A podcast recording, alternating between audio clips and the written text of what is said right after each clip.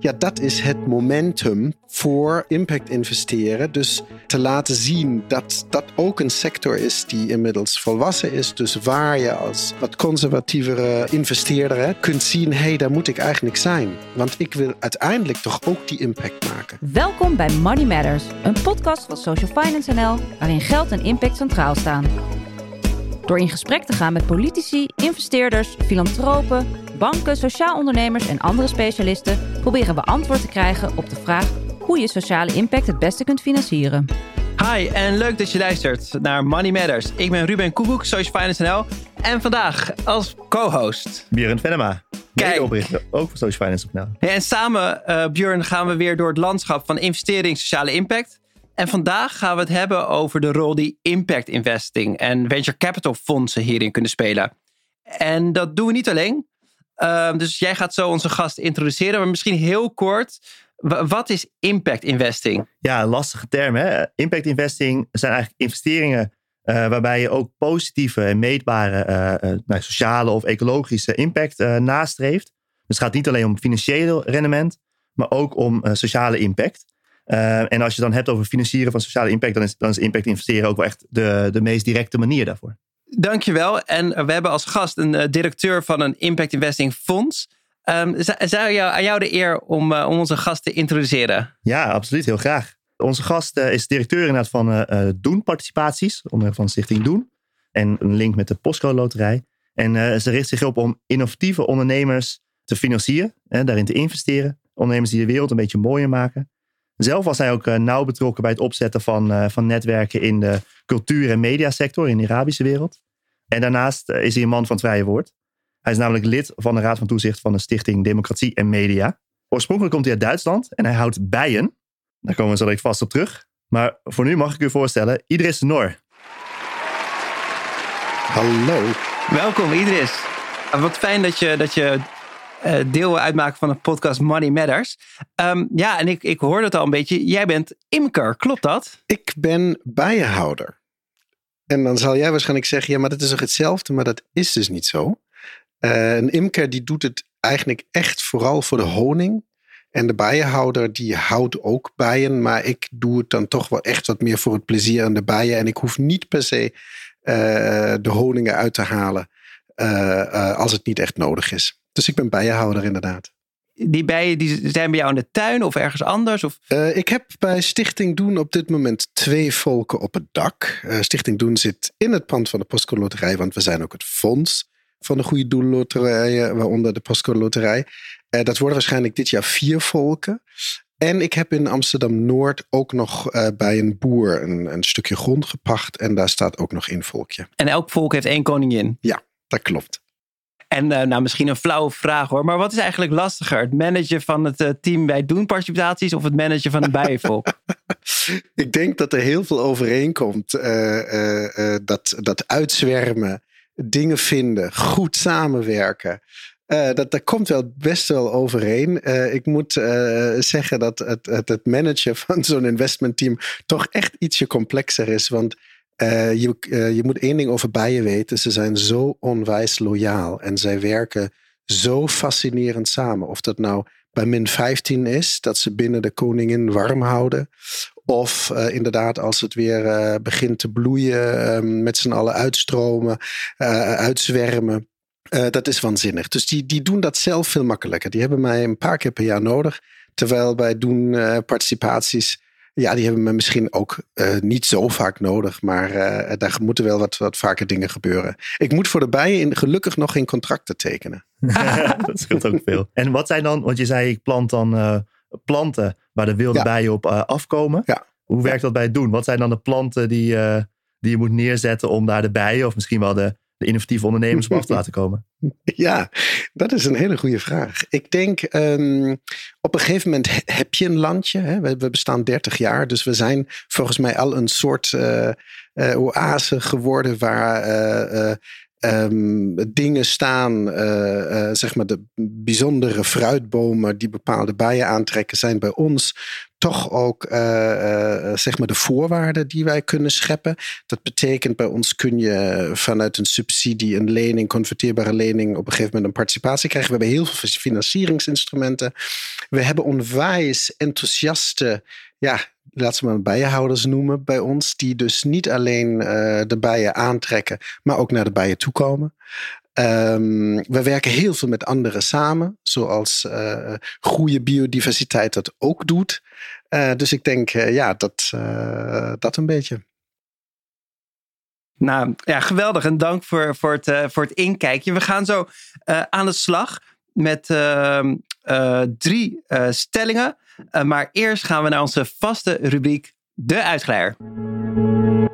Geld is natuurlijk het centrale thema van deze podcast. En we hebben allemaal financieel eindverantwoordelijke aan tafel. Maar ook die maken wel eens een uitglijder. Daarom beginnen we altijd met de vraag: wat is de domste of meest onzinnige uitgave die je onlangs hebt gedaan? Ja, ik hoefde er niet zo lang over na te denken. Dat was dan in het kader van uh, privé eindverantwoordelijke hier uh, in het gezin, samen met mijn vrouw. Wat heb ik gedaan? Uh, ja, heel eerlijk, rond de kerst, ik hou van toch soms van, van, van die gadgets.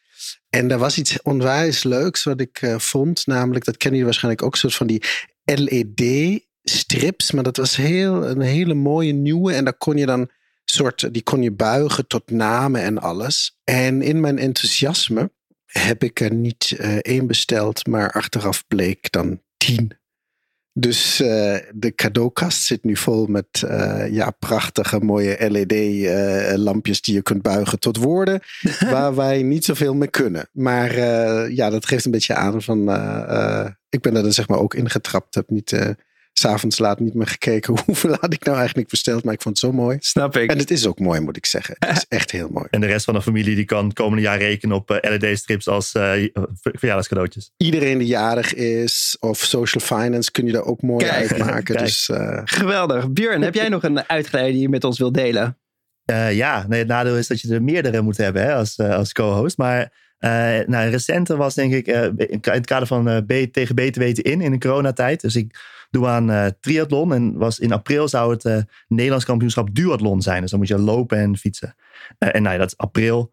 En met een man of 150. Dus ik dacht, nou weet je wat, we gaan, we gaan toch gewoon inschrijven. nou ja, die wedstrijden zijn toch nog wel, wel prijzig.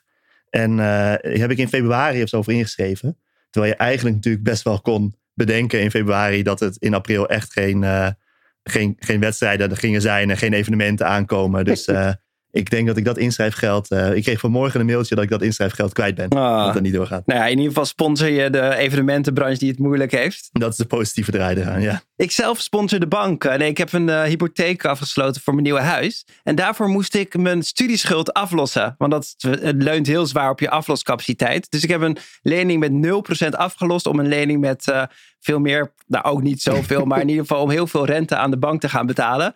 Dus dat, ja, dat voelde bij mij wel heel erg uh, tegen natuurlijk. Dus uh, dat is mijn uitglijder van de, van de week. dat begrijp ik dat dat heel gek voelt, ja. Nou, dank Idris voor het uh, leuke inkijkje. En we gaan verder met de drie stellingen. In deze podcast zijn we op zoek naar antwoorden op de vraag hoe sociale impact het beste gefinancierd kan worden. Met vandaag als centrale thema de rol van venture capital fondsen als het gaat om impact investing. Zoals Björn al uit heeft gelegd, gaat het bij deze vorm van investeren zowel over financieel rendement als sociaal rendement. En aan iedereen, aan jou gaan we een aantal stellingen voorleggen om hier een beter beeld op te krijgen. Maar misschien heel kort in een notendop. Wat doet doen participaties? In een notendop proberen wij met het middel investeren, net als met andere, alle andere middelen die ik noemde, proberen we de wereld een stuk beter te maken. En wij geloven al meer dan 25 jaar dat uh, ook ondernemers daar een belangrijke rol in spelen. Maar bij ons uh, is altijd de impact het eerste waarnaar we kijken. Dus een oplossing voor een maatschappelijk probleem. En dan door, dat door middel van uh, ja, een meer bedrijfsmatige oplossing. En daar hoort dan het instrument participeren bij. En dat doen we op alle terreinen: sociaal, groen, creatief. Over die drie terreinen gaat al meteen de eerste stelling. En die luidt: investeren in groene impact is makkelijker dan in rode impact. Dus in duurzaamheid, groen, is makkelijker dan in rood, sociaal. Ik zou uh, niet meteen eens zijn met deze stelling. Want wat betekent makkelijker? Uh, als je zegt makkelijker uh, in de zin van daar zie je wat meer businessmodellen die inderdaad wat sneller naar een commerciële markt kunnen groeien, dan klopt het.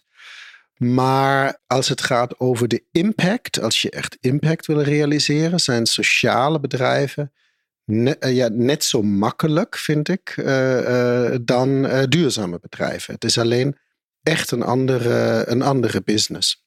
Je hebt gewoon in de duurzaamheid inmiddels een vrij volwassen sector duurzame energie. in de circulaire economie komen wat sectoren, die textiel, food, dat denk je dat is allemaal wat voor de hand liggende. En daar kun je ook wat makkelijker upscalen, om het maar zo te zeggen.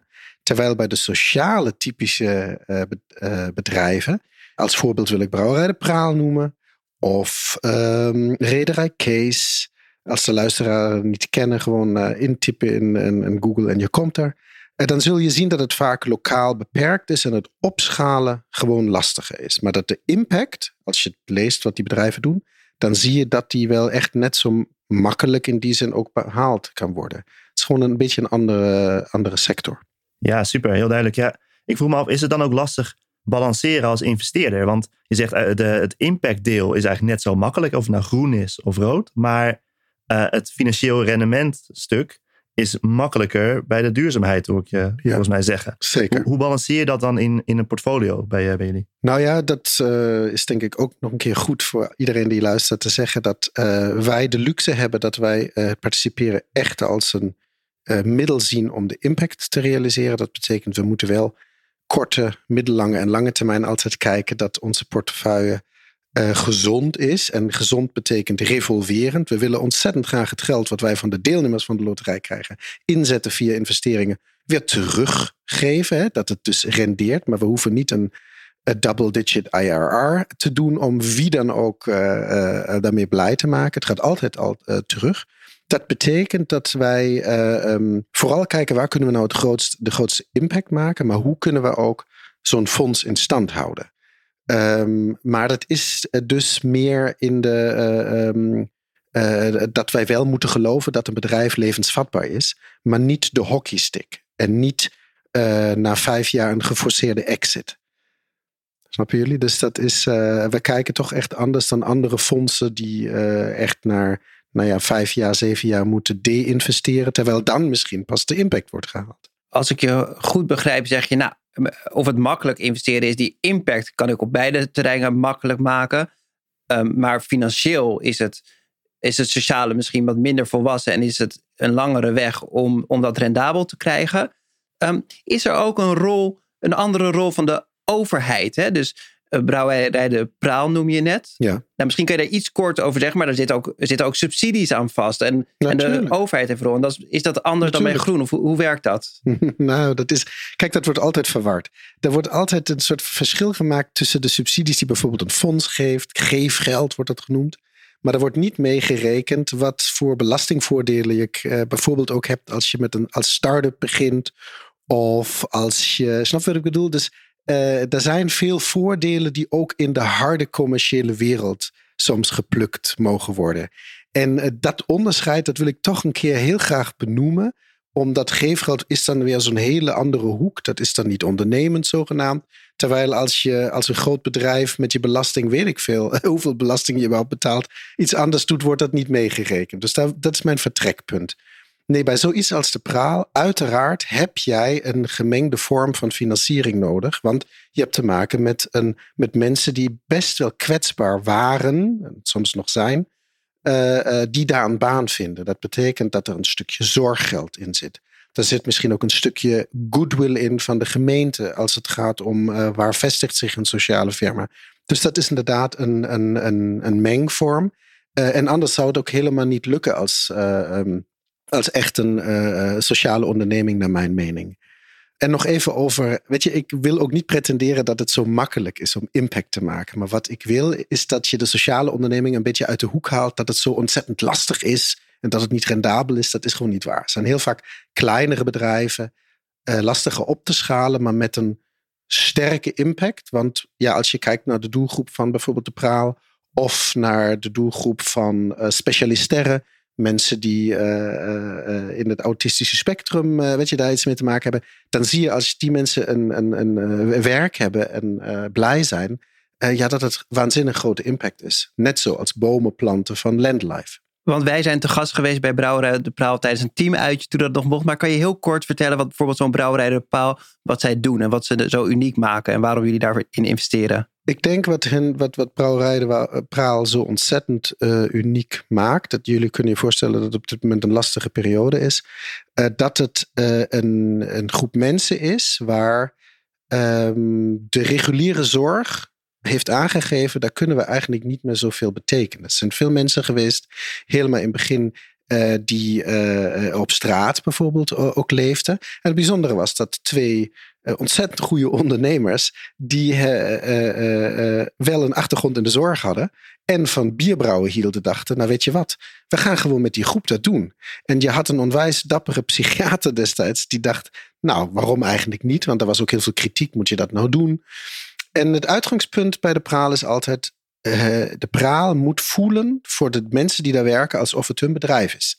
En mocht de praal uh, ooit weer open gaan, dan wil ik toch iedereen uitnodigen: ga er langs, want je zult zien dat de mensen die daar werken voelen het alsof het hun bedrijf is. En dat vind ik. Uh, is toch iets heel anders dan wat vaak in de reguliere zorg soms ook gebeurt. Dus dat is een soort ownership van die groep. En het bier is ontzettend lekker.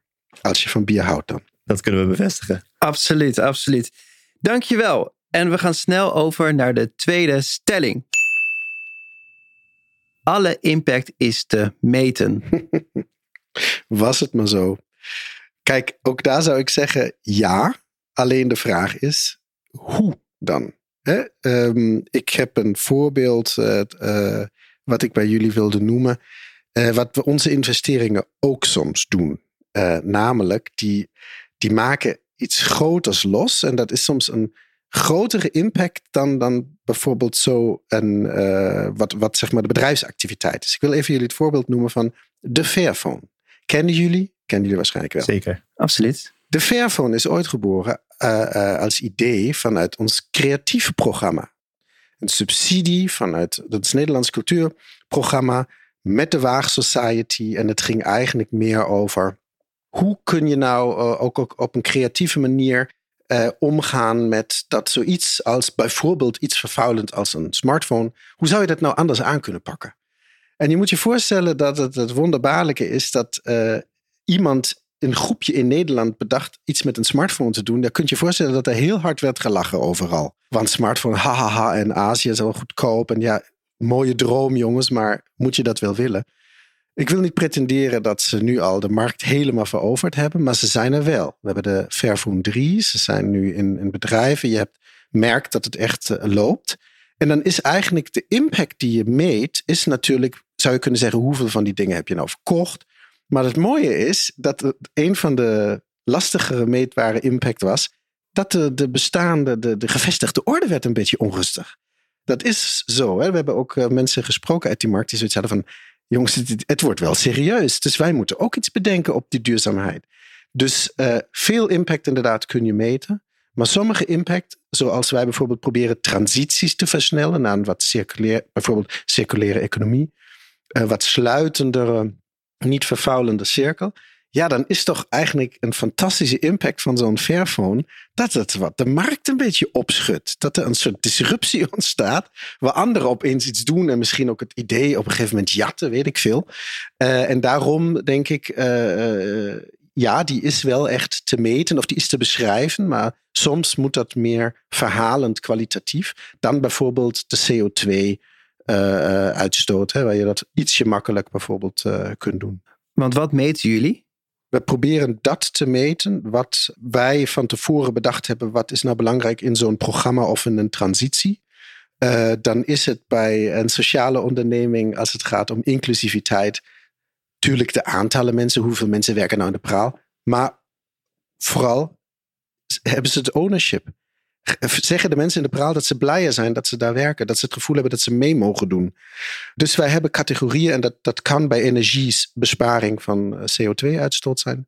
Um, afvalstoffen, hoeveel, hoeveel minder af, afval wordt verbruikt. Um, dus je ziet, het is soms appels en peren. En op de transities gaat het dan echt ook om soms verhalen te kijken welke disruptie zouden we een beetje mogen claimen als doen. Maar om dat doen, wat ik net ook in de intro zei, nooit dit soort dingen alleen doet, zou dat ook weer een soort vervalsing zijn van onze impact. Dus we hebben wat categorieën, zoals jullie die ook kennen. En uh, ja, proberen ons daar niet te rigide in vast te bijten. En, en in hoeverre speelt die, die impact die die meten, of nou kwalitatief of kwantitatief is, ook een rol in, in jullie besluitvorming. Dus je, wat je in het begin zei, je zijn best wel lang vaak betrokken bij sociale ondernemingen. Die hebben soms zelfs ja. langer nodig dan misschien de commerciële sector. Uh, Wanneer speelt zo'n impact uh, uh, een rol bij bijvoorbeeld het besluit om, om een vervolgfinanciering te doen of langer betrokken te blijven? Die speelt een enorm grote rol. Ik zou hem even willen omdraaien. Wat gelukkig bijna nooit gebeurt, is dat je investeert in iets en je merkt, jongens, impact, was er iets? Weet je dat er niet zoveel gebeurt. En dat je dan denkt, hey, dat, uh, we zijn heel erg teleurgesteld of zo. Godzijdank, hè, we, zoveel doen we natuurlijk ook weer niet. Maar dat wat we doen, die 80 uh, eh, bijna individuele investeringen en in die fondsen, merk je, daar wordt impact gemaakt. Maar dan gaat het vooral om, wordt er ook blijvend meer impact gemaakt?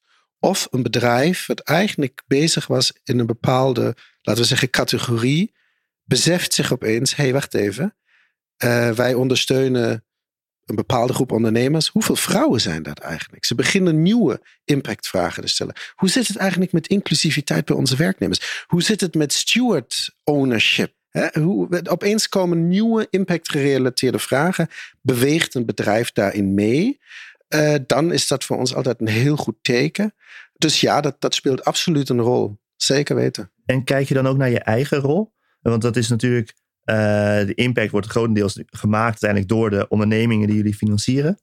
Uh, maar je zou kunnen kijken van ja, als de stichting Doen of Doen Participaties niet had meegedaan, nou, waren sommigen misschien wel door anderen gefinancierd, sommigen misschien ook juist wel niet. Uh, hoe kijk je daar naar je eigen toegevoegde waarde? Uh, het liefst dus niet alleen, want uh, ik uh, heb ook genoeg onderzoeken in het verleden zelf gedaan dat ik weet dat je het fenomeen hebt dat je alles naar je toe schrijft. Hè? Dus ook onbewust beweert dat jij een bepaalde impact hebt, dus hebt gehad. Dus wat wij dan het liefst zouden willen, dat doen we regelmatig ook, dat een externe partij kijkt, hey, hier is aantoonbaar, doen echt de eerste geweest die een bepaalde beweging heeft helpen versnellen. Waar anderen twijfelden, bijvoorbeeld ik zeg maar wat in de 3D-sector waarin we terecht waren gekomen, ja, daar waren we toch echt een van de eerste uh, uh, in het begin ook. Wat je nu social design noemt, dat kwam ook vanuit het creatieve. En gelukkig is onze pipeline zo dat we daar wat eerder ook uh, de bewegingen kunnen, kunnen voelen.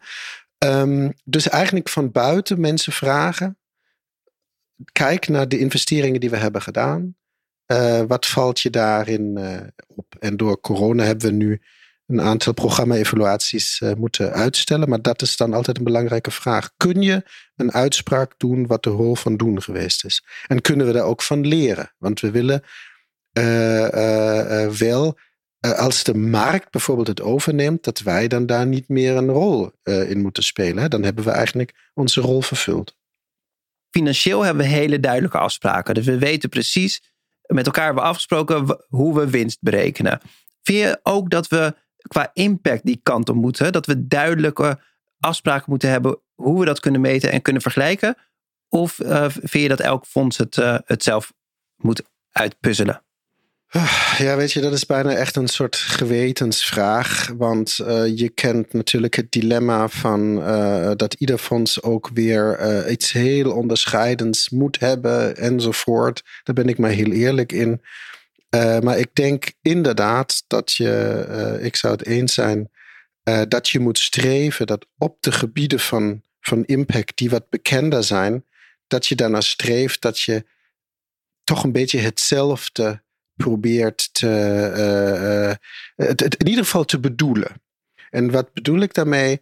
Je hebt uh, Start Foundation heeft ontzettend veel geïnvesteerd in het maken van een baanvinddeur. ingewikkeld woord, maar bedoelt gewoon van hey, wat, om welke groepen gaat het eigenlijk? kun je alles, als het om bijvoorbeeld arbeidsparticipatie gaat, kun je daar iedereen uh, over een kam scheren of hoe zit dat nou? En dat gebruiken wij bijvoorbeeld bij Doen ook. Niet nu dat we dat één op één zo uh, gebruiken, maar we hebben heel veel van hen geleerd dat we weten bepaalde groepen in de samenleving, als je een bepaald bagage mee hebt, kom je echt wel heel lastig nog aan een baan. Dus dat als iemand dat dus lukt, nou dan moet je daar dus ook zeggen, hey, dat is wel echt een ander soort impact dan een groep die, die waarschijnlijk ietsje makkelijker daaraan komt. Het klinkt heel onnozel, maar is toch, vind ik, een uh, belangrijke nuance. Waarvoor ik zou willen waken, is dat je een rigiditeit krijgt. Dus dat je dit soort fondsen, zoals toen participaties en andere, die heel belangrijk zijn voor, om innova innovatieve bewegingen ook los te maken. Uh, als je daar te rigide categorieën met elkaar afspreekt, dan zit je allemaal in dezelfde vijver. Snappen jullie wat ik bedoel? En um, de fuzzy end of innovation, ja, zeg maar dat stukje waar mensen denken, wat zijn ze daar eigenlijk aan het doen daar? Wordt dat nog wat? Wat is het eigenlijk? Dat moet ook gebeuren. En daar, daar is doen vaak gelukkig een van diegenen die zegt: Hallo, we gaan een grachtenpand printen. Hoe vinden jullie dat? En mensen zeggen: Wat is 3D printen? En in, waarom in hemelsnaam een, grachtenpand? Weet je, dus uh, ja, ik noem dit soort voorbeelden ook om uh, uh, om te zeggen, je moet de sector helpen door soms eenduidig met elkaar afspraken te maken.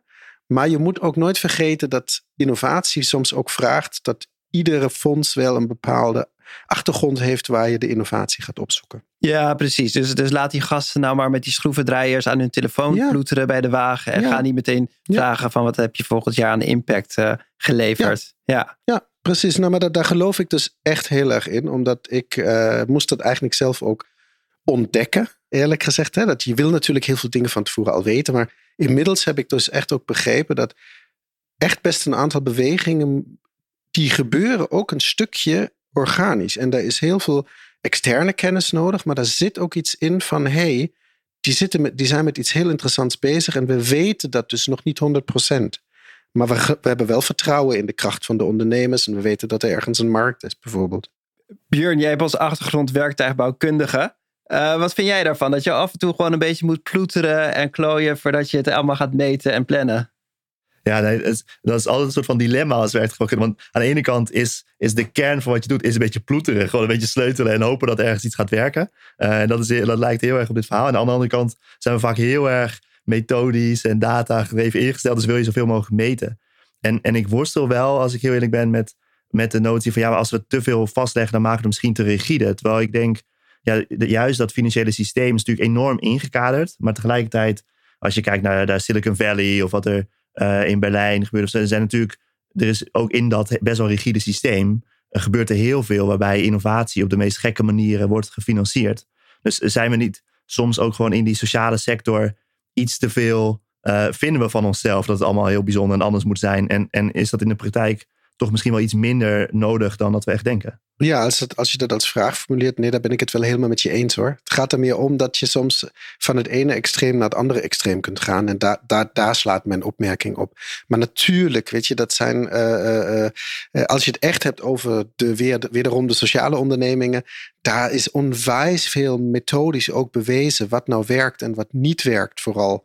Uh, als je mensen in wil laten stromen in sociale ondernemingen. Jullie weten dat het fenomeen niet is dat er niet voldoende plekken vaak zijn, maar vaak worden opeens de mensen niet gevonden, wat zo oneerbiedig de mensen in de kaartenbakken wordt genoemd. Wat natuurlijk verschrikkelijk is. Maar weet je waar je echt wel weet? Sommige gemeentes die zijn daar hartstikke goed in om als zulke ondernemers opstaan om een toestroom van zo'n groep te, te organiseren. En anderen, ja, die zeggen, ja, op papier hebben we er zoveel, maar ze zijn er even niet. Dus je hebt, helemaal, je hebt natuurlijk helemaal gelijk. Dat als wat dit betreft, daar uh, moeten we niet uh, de hele tijd pretenderen als, als, alsof, alsof, alsof daar niet uh, in geleerd is. En of, alsof je daar niet al echt hele goede dingen ook al weet hoor.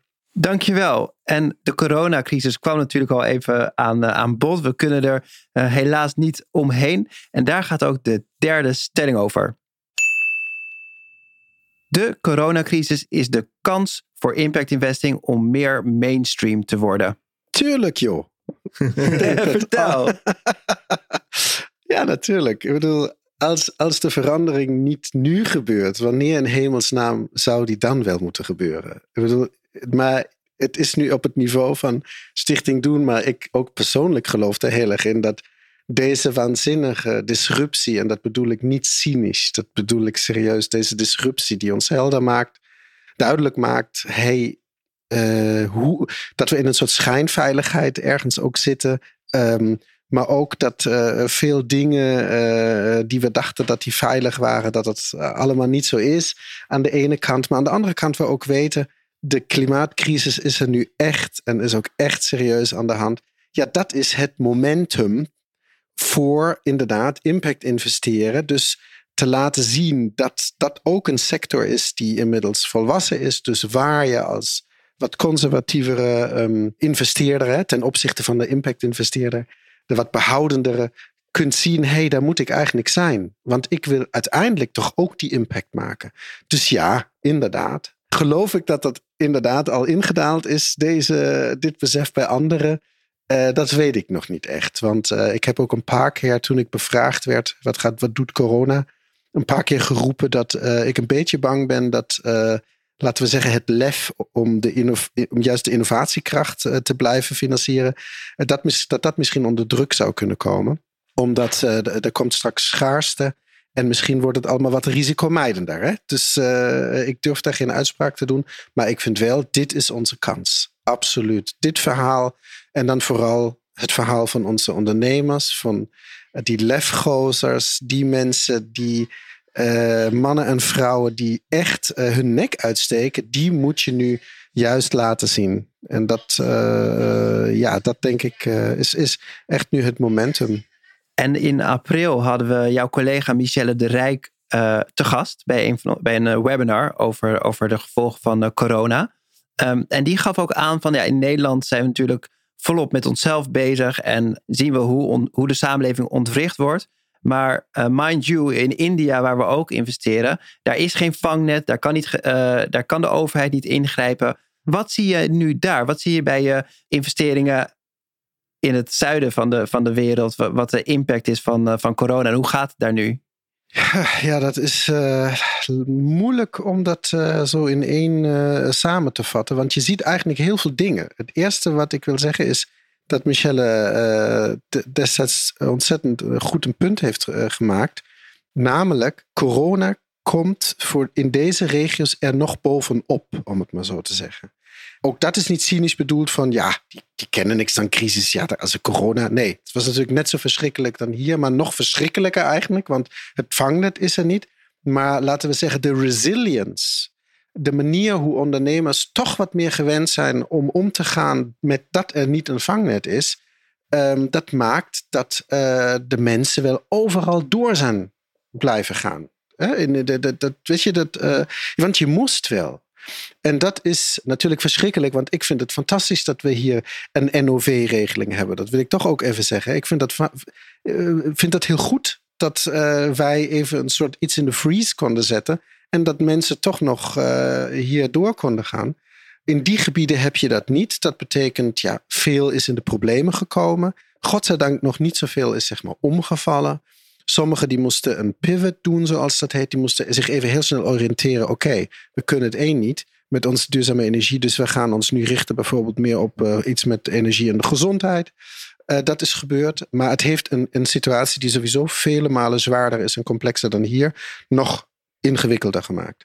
Maar waarom zeg ik dat? Waarom begon ik zeg maar met mijn verhaal? Omdat ik vind dat wij soms daarvan kunnen leren hoe mensen omgaan met het feit uh, dat sommige dingen niet, niet veilig zijn en nog niet uitgetekend zijn. En dat dat dus niet gelukkig niet meteen het einde betekent. Maar wel, wel heel fijn hoe we dat hier gelukkig toch geregeld hebben, nogmaals. Want uh, te zeggen van dat dat nou heel fijn is om in zo'n situatie te moeten zijn, dat, uh, dat zou heel cynisch zijn. Ja. En je geeft aan dat het naast dat het een crisis is ook een kans kan zijn om die transitie vorm te geven naar ja. een duur, meer duurzame en inclusievere ja. samenleving. Zie je dat ook in je portfolio? Uh, heb je bedrijven die het juist nu heel erg goed doen? Ja, natuurlijk. Ja, die hebben we. Die hebben we echt. Uh, ik wil twee graag noemen die jullie niet zullen verbazen. Dankzij deze uh, crisis is opeens een product, namelijk zeep, ja. uh, helemaal centraal komen te staan in ons dagelijks leven. zodat onze handen er bijna van kapot gaan. Maar ons mooi bedrijfje Zeepje en een duurzaam bedrijf, maar ook een sociaal bedrijf. En echt een, vind ik een heel mooi, prachtig product. Die, die gaat echt hartstikke goed. En uh, de uh, chocola. Door chocola word je blij. Uh, je wordt getroost. Volgens mij is het ook nog een beetje gezond, maar dat weet ik niet. Mag ik waarschijnlijk nu niet beweren. Maar ook dat, de chocolate makers waar we aandeelhouder zijn, die hebben ook gezien van ja, dat, je merkt dat dat wel goed gaat. Hè. Je kunt, kunt het ook goed versturen. dus je hoeft niet de, de afzetkanalen bijvoorbeeld, dat gaat best goed. Uh, wat ik nog in het algemeen wil noemen is dat uh, voor sommige van onze bedrijven was de noodzaak om van offline ook echt online te leren denken. Ja, dat, dat, dat was heel goed dat dat nu door, uh, door corona echt een serieuzere vraag werd waar ze mee om moesten gaan.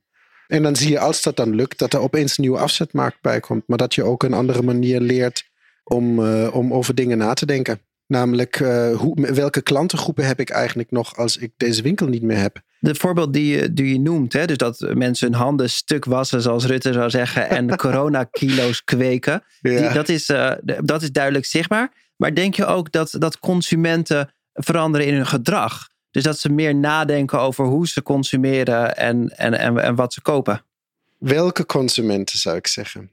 Uh, ik, dat, weet ik, dat weet ik echt niet. Ik weet niet of nu, uh, als jullie het een beetje in de media volgen, opeens het duurzaamheidsvraagstuk voor de algehele bevolking, bijvoorbeeld in Nederland, veel belangrijker is geworden. Ik denk dat er uh, een grote zorg is van hoe gaat het eigenlijk verder. Dat er wel iets gebeurd is bij een bepaald segment consumenten die um, opeens zich beseften: hé, hey, als ik echt wil dat al mijn lokale uh, eetentjes niet omvallen. Misschien moet ik dan ook maar lokale hier dat uh, meedoen hè, met dat uh, support your locals. Dat zou ik durven te zeggen, omdat we dat ook hebben gezien. Dat inzetten voor meer lokaal en misschien ook lokaal geproduceerd, dat er wat iets meer een bewustzijn komt. Maar het is nu niet, nog niet een hele grote, grote trend of zo. Dat zou ik niet durven te zeggen. Dus daar is nog niet een soort nu grote doorbraak bereikt. Dat iedereen opeens veel gezonder gaat eten, helaas. We hebben het over de ondernemers gehad en de kansen en, de mogelijkheden in de coronacrisis. En even over eh, consumenten. Maar wat, wat zouden investeerders, en misschien dan jullie zelf specifiek, wat zouden die dan zelf kunnen doen hè, om impact investing mainstream te maken, maar vooral ook om nou, duurzaamheid verder onder de aandacht te brengen? Maar wat, wat zou je eigen rol daarin kunnen zijn om dat verder op te schalen? Nou, wij hebben één, denk ik, uh, prachtig middel. Uh, een soort in-house voordeel. Hè? We zijn dus echt uh, ontzettend blij dat wij het fonds zijn van de Goede Doelloterij en dan specifiek van de Postcode Loterij. Want ik vind dat al die deelnemers van die loterij meedoen en wij hen ook kunnen bereiken door in de middelen van de loterij te communiceren. Echt het te laten zien wat het alternatief is Doe maar lekker vega, die campagne daaraan meedoen enzovoort. Dat je eigenlijk een breder publiek laat zien dat uh, duurzame, in dit geval dan meestal consumentenproducten, of uh, dat het echt ook bereikbaar is. Dat vind ik een onwijs grote kracht die wij hebben. En die hebben we niet alleen in Nederland. Hè. De Postcode is inmiddels in vijf landen in Europa. En je merkt ook daar ja, dat er zijn in totaal 12 miljoen mensen die meedoen. En dat is toch uh, nu niet per se, laten we zeggen, de eigen parochie hè, waar je voor prikt. Maar gewoon mensen die zeggen, nou goh, nou, als, ik niet, als ik niet win, dan weet ik in ieder geval ergens dat het misschien uh, heen gaat waar het moet. En als je dan via prijzen en zo dit soort dingen terugziet, daar kun je misschien echt ook wel een gedragsverandering mee bereiken. Ja. En natuurlijk, verder zijn het vind ik de belangrijke coalities van. Hè. Wij, wij, zijn niet een, uh, een partij die alleen uh, pretendeert uh, iets te kunnen veranderen. We willen graag samenwerken. Dus die coalities daarin te, te zitten. Of het nou om een andere manier van eten gaat. Of het nou gaat om anders energie te consumeren. Daar zitten we overal in. Je gaf eigenlijk ook al aan van die Fairphone verandert de, de, de markt van telefoons. Verander jij ook de markt van venture capital? Ik denk het wel. Ja, Ik denk dat het wel echt serieuzer wordt, uh, dat impact investeren. Dat weten jullie natuurlijk ook, want jullie zitten er bovenop. Waarschijnlijk weten jullie het beter dan ik. Maar de constatering is uh, dat er godzijdank het niet meer zo raar is uh, om te investeren in impact first. En dan wij ook via exits hebben laten zien dat je dus ook een rendement kunt maken. Het gevaar is, en daar helpen jullie ook weer heel goed bij, dat het begrip zou kunnen verwateren. Ik zie uh, vrij traditionele uh, mainstreamers soms ook met impact een beetje spelen. Dat ik denk, hé, hey, daar moeten we een beetje oppassen. Wat is nou eigenlijk de definitie? Dus ja, wij veranderen zeker die markt ook. Waarschijnlijk niet op de manier uh, zoals het zou moeten. Omdat vaak uh, als je een IRR van 15% en weet ik veel, jullie kennen de kaders, mm -hmm. dan is het onmogelijk omdat impact soms wat meer tijd nodig heeft. Dus niet een geforceerde exit bijvoorbeeld, maar meebewegen met een bedrijf enzovoort. Dus dat, uh, um, we gaan niet die hardcore wereld heel erg veranderen, maar we zijn wel volwassen geworden. En dat vind ik wel heel fijn. En de IRR is de jaarlijkse rente die je kan verdienen op een investering. En jullie zijn natuurlijk al 25 jaar bezig. Ik weet niet of er veel andere impact investors zijn die zo'n lange track record hebben. En voor, de, voor de industrie is het natuurlijk mooi als er een partij een lange track record kan laten zien. Ehm, ter inspiratie. Kan je iets zeggen over de percentages die je op het geld hebt uh, verdiend de afgelopen jaren? Nou, die heb ik nu niet zo uh, 1, 2, 3 helaas paraat. Dat zou ik nog moeten, uh, moeten opzoeken. Maar hebben, we hebben wel gelukkig een aantal ja, goede investeringen ook gedaan. Maar wat dat bleek soms pas veel later. Maar het is niet een gigantisch hoog uh, rendement. Maar wel nu een rendement waar je zeker in deze tijden van negatieve rente. Waar je wel zou kunnen zeggen, ah ja, maar dat is toch wel mooi. Dus maar ik durf je nu niet een getal te noemen. We hebben daar wel ehm, in het verleden naar gekeken. Meest recent zou ik het nu niet weten. En ik wil jullie ook weer echt laten weten waarom. Omdat wij doen dit echt voor de impact. En ik weet, het klinkt een beetje als een sleur, maar dat is echt zo. Dus we vinden het mooi dat we het ook financieel kunnen laten zien. Maar dat is niet hoe wij uh, opereren. Maar te, en tegelijkertijd is dat natuurlijk wel wat jullie, wat juist dat track record zo onderscheidend maakt voor jullie, toch? Dat je kan laten zien dat je het voor de impact doet, maar, maar dat dat wel ook financieel uit kan. Natuurlijk, absoluut. Dus ik, ik, ik zou het zeker weer uh, kunnen, kunnen up-to-daten. Maar uh, wij hebben bijvoorbeeld ook in, in, in de gesprekken met wat wij doen, communiceren we vooral over de verandering inderdaad die we teweeg hebben gebracht. En als het nodig is, kunnen we dan ook kijken, hey, en wat was eigenlijk inderdaad het rendement over een bepaalde periode?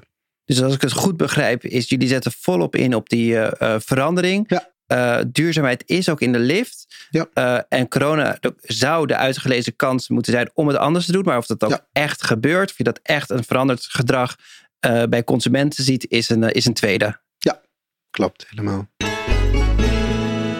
Er luisteren tal van mensen met allerlei verschillende achtergronden. Maar laten we zeggen dat er ondernemers luisteren die nu op, misschien op een zolderkamer zijn te, zitten te klussen of een, een idee hebben als tip naar hun, waar ben jij naar op zoek? Wat is die ondernemer die jij graag wil financieren, wiens idee jij groot wil maken? Nou, ik denk dat uh, je moet vooral uh, eigenwijs blijven als een ondernemer en vooral met je idee doorgaan. Dat is denk ik het allerbelangrijkste advies. En niet toeschrijven naar welke financier dan ook. Maar zo ken ik eigenlijk al die types ook.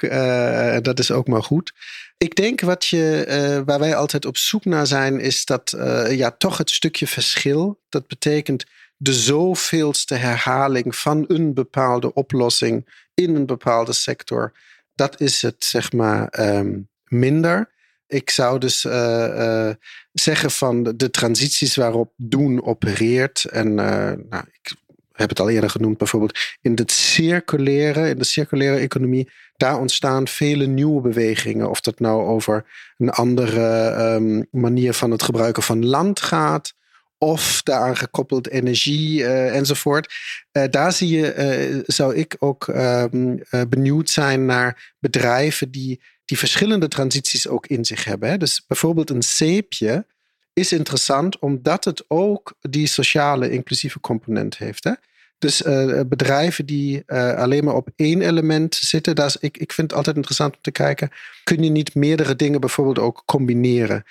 Um, maar wij staan sowieso altijd open voor uh, eigenlijk welk sociaal, creatief of groen um, bedrijf die zeggen: Weet je, we maken het verschil. Voor ons staat de impact voorop.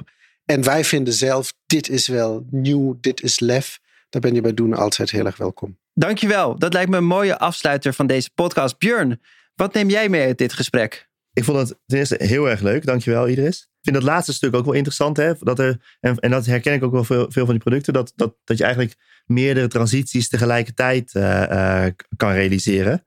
En dat we dat denk ik ook heel veel innovaties daarop nodig hebben. Dat niks in onze wereld uh, eendimensionaal is. Super dat doen juist ook daarnaar op zoek is. Dat we juist verschillende uh, sectoren of verschillende transities aan elkaar verbinden en, en, op grotere schaal het verschil maken. Dus dat is het hoofd. En misschien ook dat er toch best wel veel producten zijn die ik gebruik, waarvan Doen blijkbaar investeerder is. Dus dat is ook leuk om te horen. Heb je ook een mud jeans aan? Nee, nu, nee, nu niet. Maar ik heb er eentje thuis. ja, heel goed. Oké, ik vond het ook super leuk. Ik wil jullie ook heel erg bedanken. Um, vind het een heel leuk initiatief. Dank dat jullie mij hebben uitgenodigd in ieder geval. Ja, jij bedankt. En uh, het waren super inzichten. Um, ik wil ook graag mijn co-host bedanken, Björn. Fijn dat je er weer bij was. ABN AMRO en het Oranje Fonds, die de podcast mede mogelijkheden hebben gemaakt. Productie, Daniel van der Poppen. Redactie, Daphne Splegger en Daphne Salvino. Wil je niks missen van deze reeks? Abonneer je dan op ons podcastkanaal via Spotify, iTunes of een ander kanaal. En vergeet ook niet een recensie achter te laten in de iTunes Podcast app. Of neem een kijkje op www.sokvin.nl.